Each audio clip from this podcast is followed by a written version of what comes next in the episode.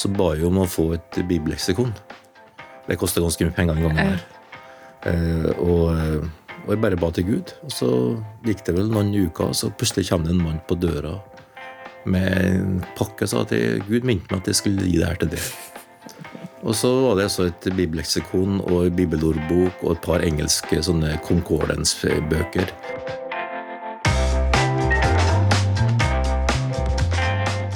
Matvareprisene har steget betraktelig. Det er dyrt for drivstoff og strøm, og renta har økt. Mange sliter med å få endene til å møtes, og bekymringene kan fort ta overhånd. En undersøkelse i høst viste at en million nordmenn ikke har nok penger tilgjengelig til å betale en uforutsett utgift på 19 000 kroner. Mange bruker av oppsparte midler for å få månedsregnskapet til å gå opp. Og pågangen hos de frivillige hjelpeorganisasjonene er stor over hele landet. Og ifølge Kirkens Bymisjon begynner mange å bli virkelig redd for å ikke kunne sette mat på bordet, og for å miste hjemmene sine. Det er vanlige folks tur til å bli fattig, sier de. Hvordan kan vi stole på at Gud forsørger når utgiftene øker og pengene ikke strekker til?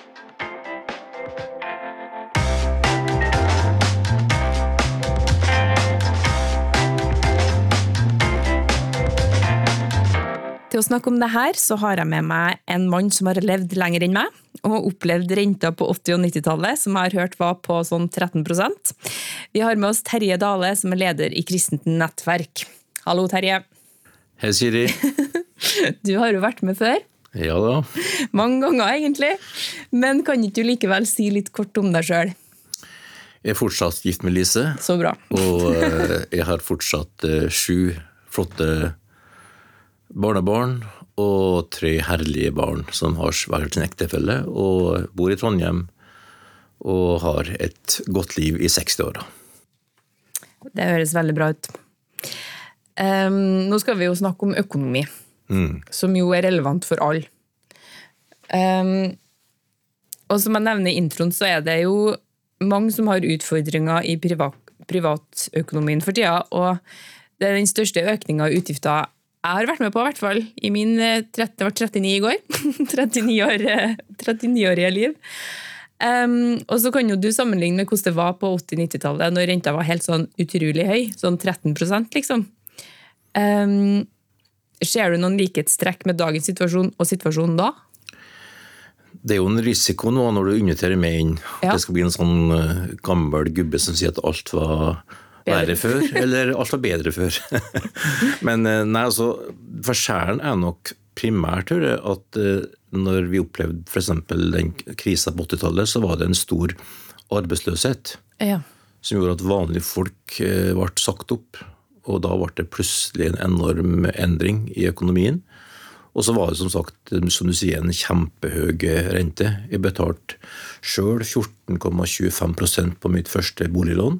Det er jo helt uh, utrolig mye. Ja, og da hadde vi altså to og en halv gang bruttoinntekta i lån, og da, det føltes som et fjell, altså.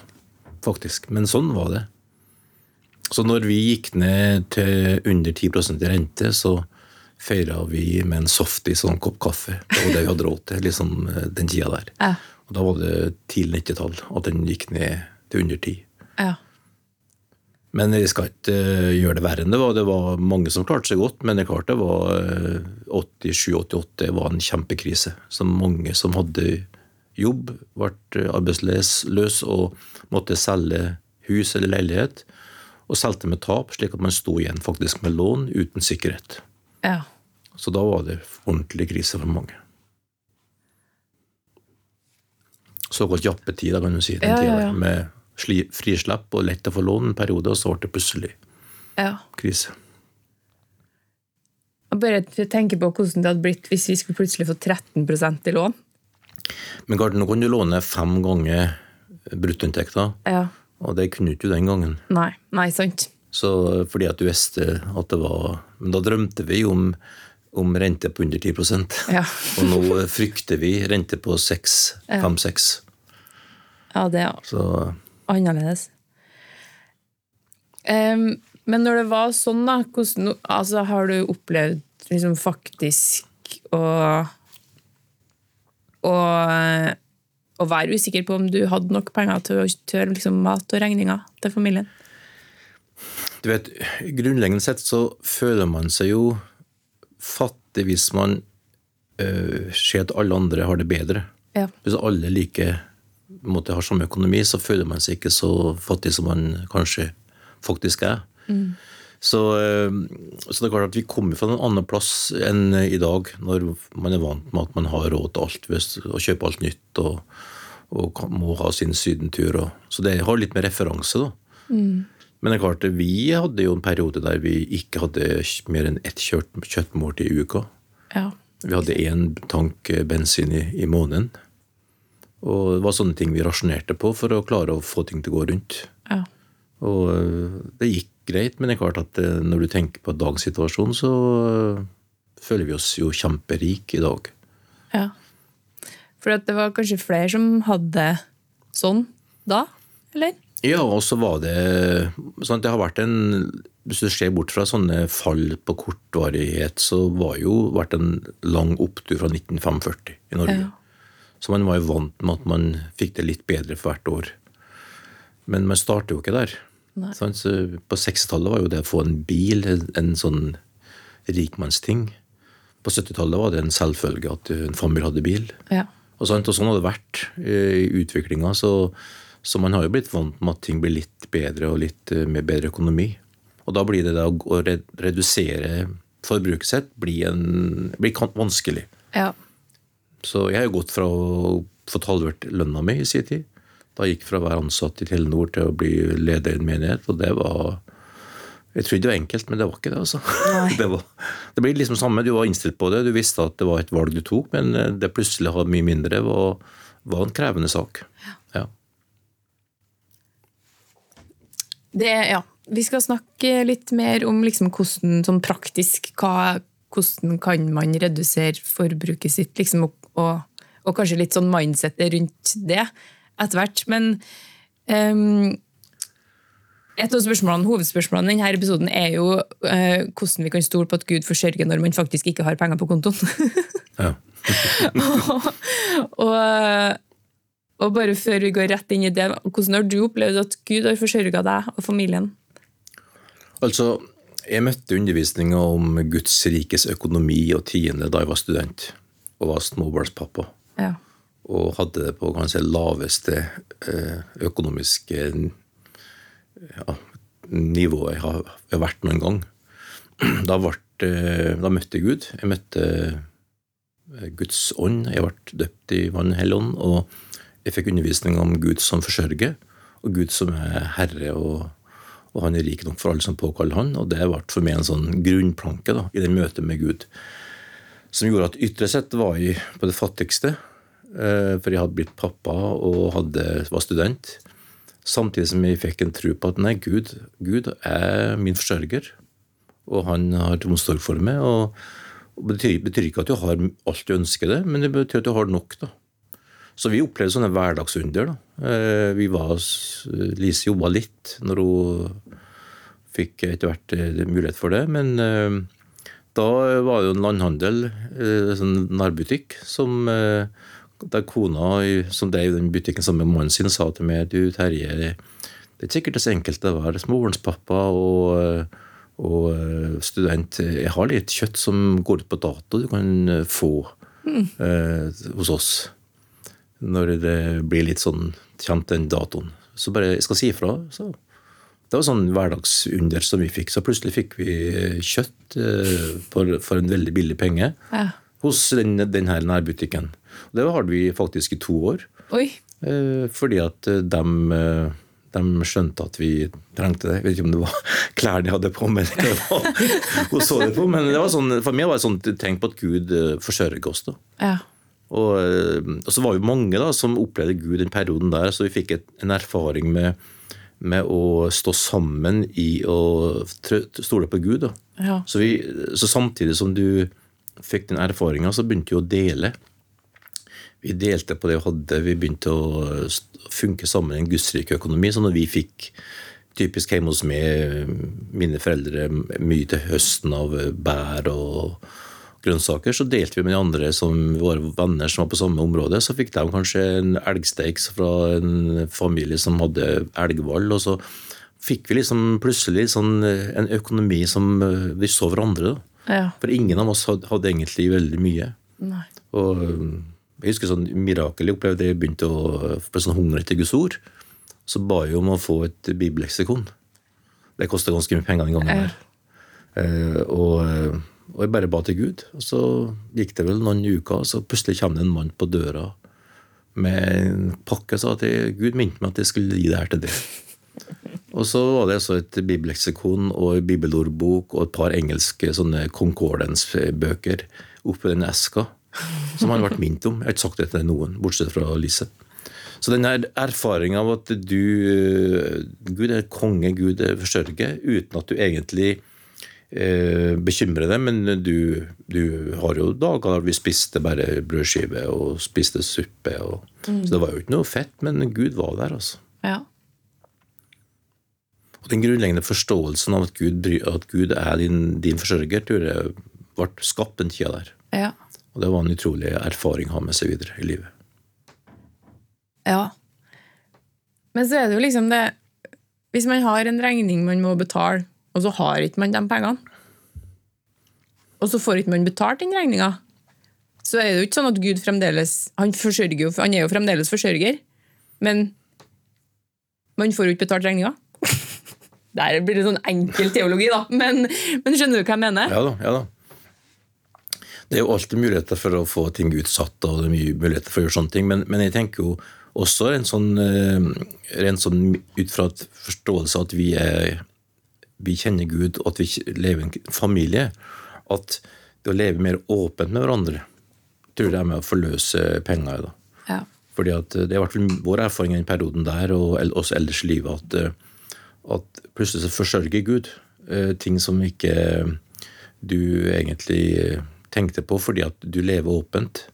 Så det lever du i en husfellesskap og sier at nå er det dårlig økonomi for oss, vi trenger litt, et mirakel fra Gud, så risikerer du at Gud tar det til noen da, og gjør et eller annet som gjør at du får de pengene. Ja. Så det er i hvert fall vår historie. da, At, eh, at han har alltid hatt en evne til å, til å eh, forsørge. Så sier jo Paulus det her at han, at han er innvidd i alt. I å ha mye og ha lite. Hva betyr det? Innvidd altså at han har erfaring med å ha overflod, Ja. og erfaring med å sulte. Ja. I alle ting så, så er en Gud. Ja. Og det der tror jeg er en eh, opplevelse vi trenger kanskje i Norge, med vår erfaring av at eh, alt går bare én vei, og vi har alltid nok, og vi bør bekymre oss for bagateller. Så det jeg sier der, da, av faktisk å begynne å rope til Gud, og, eh, og si at jeg trenger faktisk nå 8000 til regning her, og den har, de har ikke det. For vi er så vant med at alt er liksom Vi klarer oss sjøl, og vi, vi er så uavhengige. og vi, ja, Jeg tror denne erfaringa gir oss en, en behov for å stå litt tettere med Gud og hverandre. Og det tror jeg gir oss kjempemye bieffekter. Ja. Jeg tror at det kan være eh, bare det å liksom tørre å være litt åpen om sånne ting. Det er jo fort skambelagt å ikke ha nok penger til å betale for seg, liksom. Ja, ja. Sånn at uh, det å kunne stå sammen med noen og tørre å si det i husgruppa eller i det fellesskapet man er i, og stå sammen om å be om et mirakel, er sikkert veldig nyttig og bra. Ja, og så tror jeg også at eh, det er en god lærdom, da, for i hvert fall for, eh, for min del så fikk jo en periode ganske god økonomi. Og fordi jeg hadde denne historien med å være ganske, ganske fattig, for å si det sånn, så ble vi veldig var for kanskje andres, andre hadde behov. Eh, Fordi at vi plutselig oppdaga at nå hadde vi egentlig mer enn vi trengte. Ikke men vi ønska oss, men du, du, du lærte at du, du hadde mer enn du egentlig faktisk trengte. Og da kunne du på en helt annen måte også være med å gi tilbake. Og gi til folk, eh, fordi at det var ikke bare sånn at du hadde din egen økonomi, og så var det stopp, men du tenkte at nå har jeg fått eh, noe mer, og da kan jeg så det ut. Ja. Så den tror jeg erfaringa der, å skjønne hvordan vi er skapt til å, å, å fordele og, og forvalte pengene våre på en god måte, jeg tror jeg er kjempelurt. Ja, for det er jo fort gjort når man får mer, og bare bruke mer. Ja, ja. det er jo er Ja, det er jo noe av den historien, hvis du tenker bare så typisk norsk individualistisk, at du, du får mer, så du kjøper mer, så du må vedlikeholde mer, så travelheten blir større. Eh, slik at du blir mer og mer opptatt, og så blir man mer og mer egentlig sjølfokusert. Og så blir man eldre, og så oppdager man at man har brukt utrolig mye tid på vedlikehold og passe på og kjøpe inn. Og mister kanskje både relasjoner til mennesker og til Gud, fordi at man egentlig blir materialistisk uten at man egentlig skjønte det sjøl. Ja. Fordi at man bare var opptatt av litt mer og litt lengre båt og litt lengre campingvogn og litt mer og mer og sånn. Så det er jo ja, det er det der med å ta vare på både relasjonen til folk og til ikke minst til Gud, å være forvalter, da, som jeg tror er kjempeviktig. ja. For i, til sjuende og sist så er det jo Gud sine penger. Ja, alt, gjelder Gud. Si til ungene mine så er sånn, Ja. De spør noen ganger er det du eller pappa som skal betale for dette. Nei, det, det, det er det samme. Ja, ja, ikke sant? Kjempegod. Og uansett så er, ikke, så er det Guds penger, liksom. Som vi, um, ja. Og så er det jo noe med at jeg har et spørsmål her, sånn her Har Gud forplikta seg til å levere på vår forventa levestandard? Og svaret på det er jo nei, vil jeg tro. Ja, altså, jeg, tror jo at, eh, at der trenger vi faktisk å tenke kristent. Eh, og det er en stor greie. For at vi er satt den jorda her for å faktisk gi ære til Gud. Og, eh, og eh, leve vårt liv slik at han vinner skikkelse i oss. Og da, det, da kan det være å leve veldig trangt økonomisk, være en måte å få karakter på. og lære oss til å forvalte ting og sette pris på ting. Så, så livet, målestokken for livet er ikke hvor mye du har, eller hvor mye du forbruker, men egentlig hvordan er du en eh, disippel av Jesus, og hvordan vinner Jesus skikkelse i det? Og eh, jeg tror jo at, og jeg møter jo mange som i dag har kjempegod økonomi, og som har virkelig brukt den eh, muligheten til å så ut til andre, og, eh, og som forvalter på en god måte. Så hvor mye vi har, hvor mye komfort vi har, det er ingen målestokk på livet. Selv om det i vår kultur er sånn. Ja. Og det er jo mye med Altså jeg tenker, Vi skal snakke litt om mentalitet etterpå, men liksom, det er mye med den her følelsen av å ikke gjøre det alle andre gjør, som på en måte kanskje gir mange følelsen av å være fattig. Ja, ja, ja, absolutt. Det er lett å se tilbake på sitt eget liv. da. Eh, Noen har jo hatt en fattigdomsmentalitet hjemmefra. Som, ja. Der du bare får høre at vi har ikke råd til ditt, og du ser hva andre har, og du så inn litt misunnelse. Ja. Uten at vi egentlig hadde så, så dårlig råd. Mens andre kan vokse opp i små forhold og føle seg rik. Ja. For det var mye takknemlighet i huset. Det var, det var eh, glede over ting som man opplevde i hverdagen. Og over ting man hadde som eh, ikke gikk på hva andre hadde råd til, og ikke vi hadde råd til. Slik at man har en får mentalitet av eh, takknemlighet og glede, litt helt uavhengig av hvor mye man hadde eh, og forbrukte. Ja. Så der tror jeg vi som foreldre har en kjempeansvar i å hjelpe ungene våre til å virkelig tenke rett, da, og få en eh, raushet og en takknemlig kultur inn, innabords. ja, for det kan man jo egentlig ha uansett. Ikke sant? Ja. Det, det er jo bare å dra litt ut i verden og se. Ja. Det skal ikke reise langt for å se at eh, man kan være kjempetakknemlig for lite. Ja, det her er så mye annet i, eh, i på en måte kristent verdensbilde. Helt motsatt av eh, hva verden sier til oss. Akkurat, ja. Det er helt sant. Så det krever jo, det krever jo en mentalitetsendring, av, eller en, mental, en bevissthet rundt det av oss. da, Om at vi ikke på en måte flyter med i verdens tankegang rundt det her, men heller på en måte tenker ja, får Gud sine, sine tanker inn i hodet. Absolutt. absolutt. Eh, vi skal bare liksom, litt praktisk til men tror, tror du det er mange som tyr til, til kredittkort og forbrukslån og sånn for å komme seg over ei kneik i denne tida? Det tror jeg absolutt, eh, og det ser vi jo på statistikken. Ja. At det er mange som gjør, og det har jeg gjort sjøl. Ja. Det måtte jeg gjøre sjøl en gang en periode. Jeg måtte ha en bilstol, husker jeg da yngstesønnen yngste ble, ble øh, født, og jeg hadde ikke de pengene. Jeg måtte altså for første gang i mitt liv bruke kredittkort, og det var et nederlag, for jeg trodde jeg aldri skulle ha behov for. Ikke? Ikke for at du skal bare betale regning, og sånn, men for at du ikke hadde de pengene. Ja. Men, men så, det, så det er klart at det er jo en mulighet, men samtidig en stor risiko. For det er jo utrolig mange som ikke styrer pengene sine, men heller løser det på den måten. Og da da får man effekten på lang sikt utrolig utover. Ja. Man bør være ganske forsiktig, da. Ja. Ja. Hva tenker du om eh, hvor mye man skal dele med ungene om økonomiske bekymringer og utfordringer? Jeg tror at ungene eh, trenger å ha et bevisst forhold til, til forvaltning og til penger, og først og fremst lære dem å være takknemlig for de små tinga. Og lære dem å skjønne at ting har en verdi. At arbeid eh, skaper noe. At eh, det å bruke penger betyr noe. Og da også har man på en måte det grunnlaget på plass. Og at eh, vi er avhengig av Gud i alle ting, og at ikke ting er en selvfølge. Så, så, tror jeg også man kan dele at ikke man har råd til ting, og ikke, ikke kan velge å kjøpe det nå, og sånn, uten at det blir en sånn misunnelse eller hva andre får til å bruke penger på, sånn, som fort kan komme. da. For det her er noe som unger er opptatt av. ikke sant? Ja, hun Venninna mi får ditt, og de har drar dit og har råd til ditt. Og så blir det fort en sånn attitude hvis ikke man er litt våken og hjelper dem til å se litt annerledes på ting. Ja, For hvordan gjør man det, da? Nei, altså, Jeg tror at det å være takknemlig er kjempeviktig. Ja. Det, å, det å skjønne at ikke ting er, er gitt. da. Mm. Fordi at det er lett å tenke at uh, fra vår referanse at vi, vi, er friske, vi har jobb, vi har hus, vi har så mange ting som bare er en selvfølge. Mens det å Jeg husker mine unger kunne av og til synes pappa du takker for ting som er selvfølgelig. Nei, det er ikke selvfølgelig. Mm.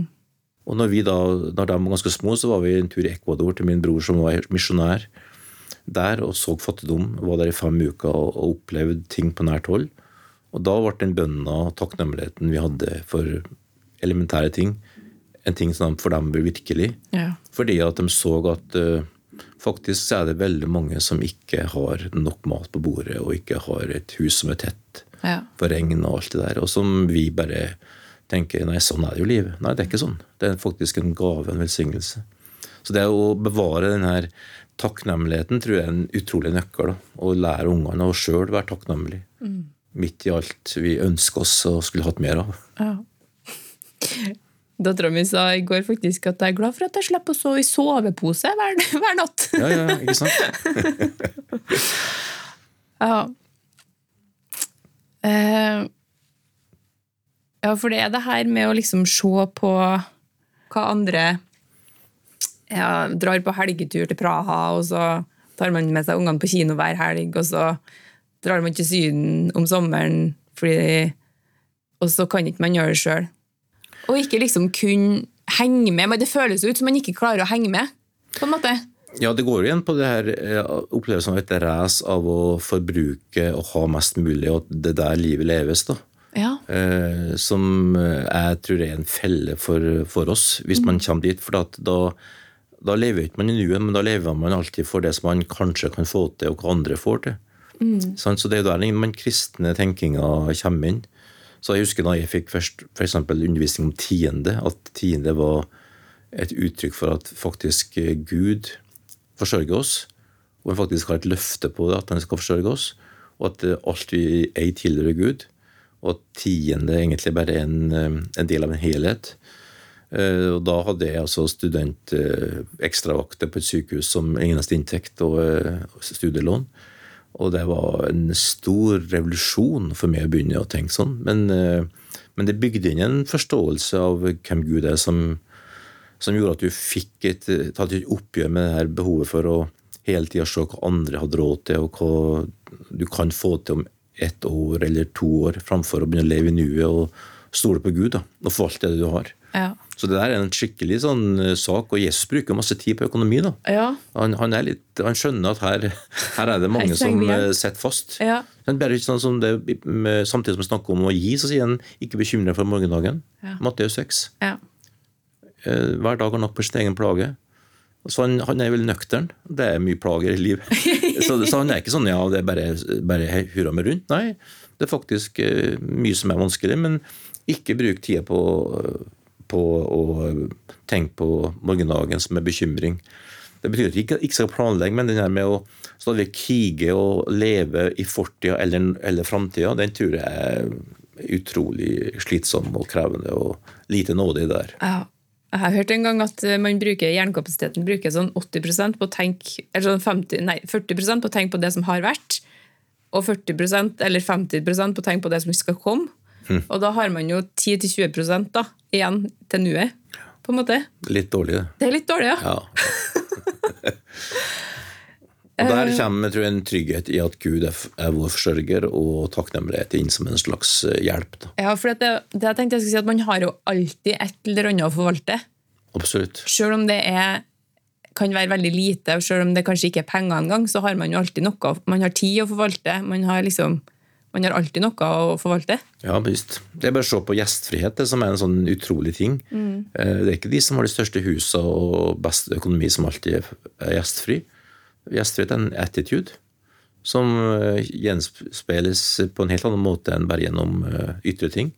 Så mange som har enkle hus og enkel eh, servering, kan du føle deg veldig hjemme i. Ja. Fordi at det er en holdning der. Mens andre som har alt på stell og svære hus, det, du føler at du er, du er ikke helt eh, Det er ikke helt sånn eh, supervelkommen. fordi at eh, egentlig skulle de egentlig hatt hus alene, liksom. Ja. Så det der er en, en, noe mye mer grunnleggende også. Men tiende, da. Det er jo øh, Skal man alltid betale tiende? Selv om man, selv om man ikke har nok penger til regningene? Altså, eh, altså, hele livet vårt med Gud går på en relasjon med Gud. Så, så vi er ferdig med den her eh, at det er sånn og sånn du skal leve, og ikke sånn leve. Det er snakk om å leve med et forhold til Jesus. Og, så, eh, og i det så opplever man at man får et nytt liv. Man blir tilgitt, man får en ny pappa, man får en ny forsørger, og det er Gud. Og da, og da begynner det livet der å spilles ut. Og da inviterer Gud oss inn i en sånn inn i en sånn, eh, hva jeg kaller for det, en mirakelliv, da. Som er blant annet økonomi er en del av, der man eh, da eh, begynner å, å bringe tiden inn til Gud, og så st- stoler på at Gud har nok for oss resten av måneden. Ja, ikke sant? Og, øh, og det er en vandring som man må gjøre i tro. Hvis man gjør, gjør det ut fra at det ikke er tro og tillit til Gud, så kan man bare kutte ut først og sist. For det er jo ikke, det er jo ikke om du betaler tiende eller ikke. Og det er snakk om, snakk om å begynne å forvalte det man har fått med tillit til Gud. Ja, det Da må man gå i tro, og så må man eh, ta de skrittene. Og hvis man ikke har tro for det, så må man la være. Ja. Men kjenner du den der altså For meg har det vært en sånn vandring i tillit og, og, og tro til Gud som bare har vært en eh, kjempeerfaring. Og eh, de som driver og betaler tiende for at man har hørt en undervisning som man egentlig ikke tror på, da sier jeg bare det er ikke det som Gud innfører det til. Da bruk pengene dine sjøl. Men jeg har vært frimodig alltid i min bønn på økonomi. For at eh, jeg tenkte at når du sier at du skal prøve oss på den måten, eller prøv, prøv det, Gud, på den måten her, Malkia 3, da, da har jeg vært kjempefrimodig. Hva mener du da? At, Ja, si, altså at, vi skulle, at Gud skal sørge for oss. ja. Husker da vi skulle, da vi skulle flytte til Trondheim, og flytta fra Vesterålen, så var det jo kjempedyrt i Trondheim å bo.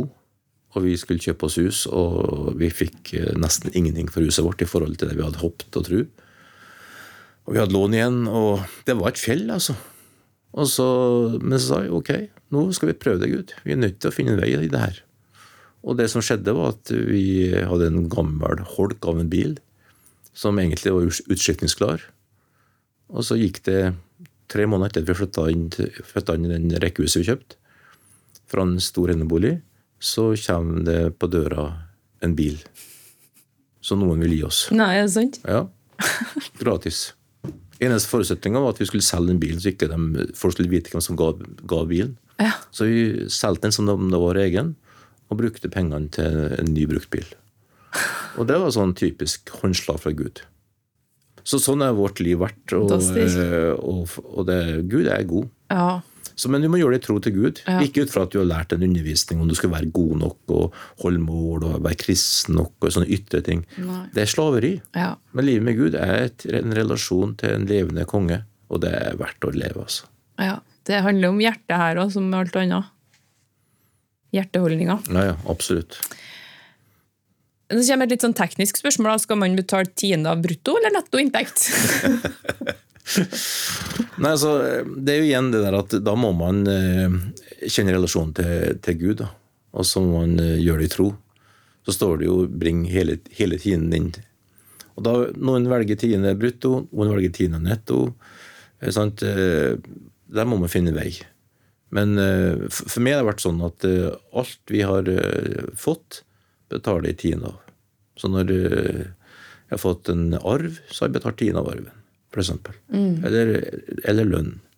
Men det er en vandring med Gud i, tro og tillit. Og så er det i hvert fall ikke sånn at dess mer du tjener, dess lettere er betalt tiende. Nei, det vil jeg tro. Fordi at når du, når du tjener mye, så er tiende ganske stort beløp. Ja. Og du begynner å tenke på hvor mye, mye jeg kunne fått for det her. Så derfor er Tine fantastisk at du hver måned sier til deg sjøl at jeg trenger Gud i livet mitt. Og jeg trenger å faktisk å sette han først. For det er lett å bare få det her som en slags eh, rutine. Men det er en utrolig god trening da, for oss til å si til oss sjøl og til alle rundt oss og, og til Herren at du er min forsørger. Ja. Jeg husker når vi skulle få lån første gangen sammen, så var han, han bankfyren var sånn der Jeg ser det 10 her som forsvinner. Jeg, så han oppdaga det. Han oppdaga det.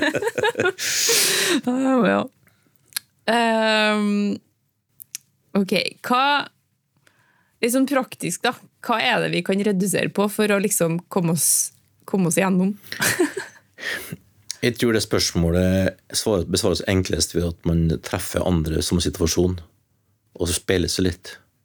Fordi at jeg tror at eh, man får vaner som ikke man tenker over. Ja. Og man får liksom eh, eh, penger man bruker som ikke man er bevisst på.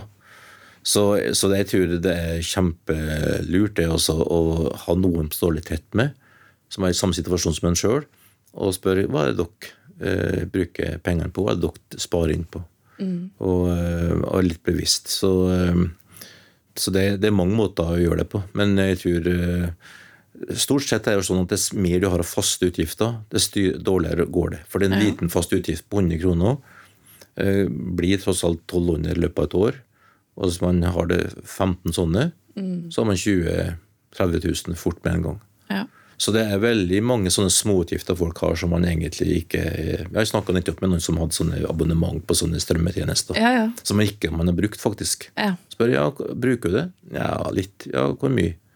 Og så kutta de ut tre sånne abonnement og Ja. tjente faktisk 800, 700 kroner i måneden bare på det. Ja. Så noen driver med terapeutisk shopping. Terapeutisk shopping? Ja, det, det er et begrep jeg bruker. Er det sant? Ja, Hva betyr det? Terapeutisk shopping det er at du får lønn. lønn. Da føler du at du må ha noe nytt. Ja. En mann har behov for å dra på Biltema, kanskje. Nå er jeg litt fordomsfull her, men det er greit. Og, eller på Claes Olsson og gjøre et eller annet stunt for å ha noe nytt verktøy eller noe nytt. Og kvinner har behov for å dra til klassebutikken eller skobutikken, for her er det noe spennende på gang. Ja, ja. Og så har man egentlig kjøpt noe som man ikke trenger, men man føler seg vel. ja. Så den terapeutiske shoppinga, den tror jeg er kast bort penger, altså. Jeg tror min terapeutiske shopping er Nå kan jeg endelig fylle opp kjøleskapet! Ja, ja, ja. Men Det er jo også viktig, men likevel så kan man jo bruke sykt mye penger på mat hvis man ikke tenker over hva man kjøper. Ikke sant? Sånn at eh, det er min, eh, mitt nyttårsforsett, si da, eller forsett for framtida, er å liksom bare prøve å bli enda smartere på det. da. Ja. Fordi vi spiser jo godt, liksom. Vi Kanskje litt for flott, jeg vet ikke. Det er i hvert fall lett å, å spare på matutgifter uten at man eh, blir, blir feilernært. Ja, ikke si sant? sånn. Ja, ikke Eller, sant? Jeg har, jeg har drevet og kjøpt masse bøker som jeg ikke leste en periode, og det kutta jeg ut. Og det ga meg plutselig noen lapper ekstra. Så det er mange måter å gjøre det på. Ja. Så hvordan Hvis vi skal ta litt sånn Hvordan vil Gud at vi skal forvalte pengene våre? Terje? Wow, stort spørsmål. Nei, altså det, det, det enkleste det er jo å skjønne at Gud er i alt, og han har omsorg for oss. Slik at uh, du er ikke et svart hull du kan eh, gjøre med. Du, du står på fast grunn. Gud er god. Han vil det godt, og han vil at du skal ha det godt. Ikke alt du ønsker det, men alt du trenger. Ja. Og, eh, og så sier Bibelen da at uh, førstegrødeprinsippet kommer tidlig i Bibelen, som er et uttrykk for at Gud skulle ha det første og det beste. Uh, og det er det som starter hele Bibelen sin, sin forvaltningstenking. Og som da vi, vi forstår som tiende. Den tida var det jo avling og sånne ting. Men da er det at når du da får, får lønn, som er et frukt av ditt arbeid, så gir du det til Herren. 10% som sier det er uttrykk av helheten. Der du sier til Gud og deg sjøl du er min forsørger, jeg, jeg stoler på det, og du skal få erfare at jeg bevarer hjertet mitt og ikke blir opptatt av mammon og penger, men opptatt av å tjene dem. Og Det er en livsstil da, vi starter med som, uh, når vi oppdager den greia der, som varer livet ut, og som gjør at du har en bunnplanke å stå i. Og Så sier da Bibelen at vi har to ting til. Uh, andre kontrollerer åtte sier vi har, vi har såkorn og mat for å leve. Mat for å leve er da alt i Norge. Er det hus? Du må, vi må ikke fryse. Det er alt som vi trenger, da, mm. som, som, er grunnleggende. Og så er det da eh, såkorn. Og såkorn er det du, du sår ut til andre. Slik at alle som ønsker å tjene Jesus, har godt av å ha et budsjett for så å så ut. Ja. Og spør Gud hva, hva, skal jeg, hva skal jeg gi til denne uka, denne uka her, måneden her? Er det prosjekter, er det mennesker som du minner meg om? Å ha en sånn uh, såkornkonto. Ja. Det, er, det, er, lønnsomt å ha. Det er lurt å ha. Og, så, uh, og så, har du Jeg har et Lise, der vi har en såkornkonto så har vi en gavekonto der vi får tilbake. Ja. Det er interessant å se. Ja. Plutselig så kommer det penger på den gavekontoen. ja. Og det kan være andre ting du får òg, men altså ting du bare Gud velsigner deg med. Mm. Og så uh, så er det veldig enkelt. Og så er det lett å dømme ja, men de har, tar seg råd til ditt, de tar seg råd til datt. Men uh, du skal alltid dine penger, din økonomi, og så må Gud sørge for det. Og så lar du alle andre akkurat hva de vil. Ja, og ikke bry deg om dem. Stor frihet i det, da. Det er stor frihet. Og eh, Da har du god samvittighet, så folk prøver å pushe deg til å gi ting og, og, og, og, prøve å få deg til å gjøre ting du ikke har tro for. Da sier du nei. Jeg, har, jeg kjenner min Gud. Jeg, gir min tiende, og jeg har såkorn som jeg sår, med tro. Og jeg lar meg ikke manipulere til å gi eh, ut fra ting som skal komme inn. Så jeg tror det der er en måte å le på som funker. Så tror jeg at når vi er i en familie og en menighet, så, så er tienden noe som lederskap forvalter. Både for at det skal være mat i Guds hus som brukes til lønninger for folk som er ansatt, men også for de som har behov. Mm. Og andre kontra åtte snakker jo Paulus veldig spennende om at noen har mye, og noen har mindre. Men når alle gir, så vil det være likhet, ja. faktisk. Så det vil si at vi som da faktisk, og de mange i Norge har faktisk mer enn vi trenger. Mm. Så vi, vi, kan så mer enn en som har lite. Mm. Og jeg har opplevd det sjøl. Jeg hadde lite såkorn en periode. Og jeg hadde mer såkorn en periode. Men, men hvis du da sår ut fra inntekt, så klarer du å bevare en nøkternhet i livsstilen din, uavhengig av inntekt. Og så kan du være med å, å skape mirakel for mange andre som ikke har den inntekta. Mm. Så, så, det å leve i en, i en gudsfamilie der man forvalter penger og opplever en såkornkultur, det er gull, altså. Mm. Så jeg vet jo mange som ble berga av andre kristne som den tida de hadde dårlig økonomi og hadde utfordringer, og som senere blir kjempevelsigna med god jobb, og som nå er med og betyr mirakler for andre. Mm. De vet hvor de kommer fra, de vet at de har eh, fått ressurser, og de vet at de skal falle til Guds ære. Mm. Så den måten å tenke Guds rikes økonomi på er bare gull verdt. Skal ta, vi skal snart avslutte, men jeg, skal, jeg bare lurer på kan, men kan en kristen person da på en måte unne seg ting? Klart du kan det. Ja visst kan du det. Altså, ja. det, det sier, betaler du, Bringer du tiden til Gud, og du har et såkorn som du sår, så klart du kan det. Lise og jeg var, var, i Kariben på cruise da vi, Lise var 60 år. Mm. Og den turen uh, fikk jo kjempebillig, og alt det der, for de opplevde Guds velsignelse. Det måtte oppleve velsignelse på. Men, men samtidig så, så, er det mange som sier ja, men hvordan kan du ta råd til det? Ja, Gud er god. Gud velsigne. Jeg har bare på samvittighet. i nytter turen. Mm. Så, så Gud, er, Gud, er, ikke kjip. Gud er ikke gjerrig. altså, altså, ja, men de tar seg råd til det. Ja, men la dem ta seg råd til det. Mm. Hvordan kan de gjøre det? Jo, de, la folk gjøre hva de vil. Ja. Uh, pass hjertet sjøl. Mm. Når Jesus advarer mot økonomi, så advarer han mot hjertet vårt. Ja. Og mot mammon, at det skal forgripe oss. For da blir vi opptatt av hva andre har, vi er opptatt av hva ikke vi har, hva vi skal få, og vi begynner å, å ønsker hele tida mer. Og jeg har jo opplevd folk som har god økonomi, men som faktisk er bekymra for økonomien. Ja. Bekymra for slekta som skal arve, og om de skal fortjene det, og masse greier. Altså Det er så mye greier som jeg ikke tenkte fantes, fordi at man har en slags eh, ja, ja, greier rundt økonomien som ikke er sunn. da. Så jeg tenker at, eh, at, når vi har en sånn bunnplanke med tiende offer, så kan vi unne oss det som vi har, med verdens beste samvittighet å unne seg litt luksus innimellom er bare helt konge. Altså, Bibelen beskriver ikke fattigdom som et ideal. Bibelen øh, opplever jo det som en, en negativ ting. Mm. Men, men, det å være fattig eller ha lite kan jo takle godt med, med et gudsrike-perspektiv. Mm. Men når vi har mye og Sånn så er det vel tenk, tenk på velsignelse. Mm. Så vi i Norge er jo velsigna stort sett, mm. og kan øh, velsigne andre. Mm. Så unn det, det du har råd til. Mm. Men ikke gjør det med kredittkort. det er ikke lurt. det var lure siste ord, Terje Dalle. Men la oss ikke ha denne, denne fattigdomsmentaliteten og denne greia her, altså, For den, den, har jeg litt smakt litt av i oppveksten, i bedriftsmiljøet jeg var i, og den er ikke noe god smak. Nei. Den som, den som, blir rik og, og har god råd, og som er raus med andre, er en velsignelse for alle. Ja. Og Gud unner oss at vi skal ha det godt. Ja. Og takknemlighet for det vi har, for man har jo alltid noe Absolutt. å være takknemlig for. Absolutt. Tusen takk for praten, Terje. I like måte. Takk for at du var med i Lykke til med prisstigning og rentestigning og hele pakka. takk skal du ha. For at du hørte på Sendepodden. Mer spennende stoff finner du på sennep.net, og du kan også følge oss på Facebook og Instagram. Sendepodden finnes i den podkastappen du bruker, og hør gjerne også på våre to andre podkaster, Alvorspraten og Bibelkvarteret.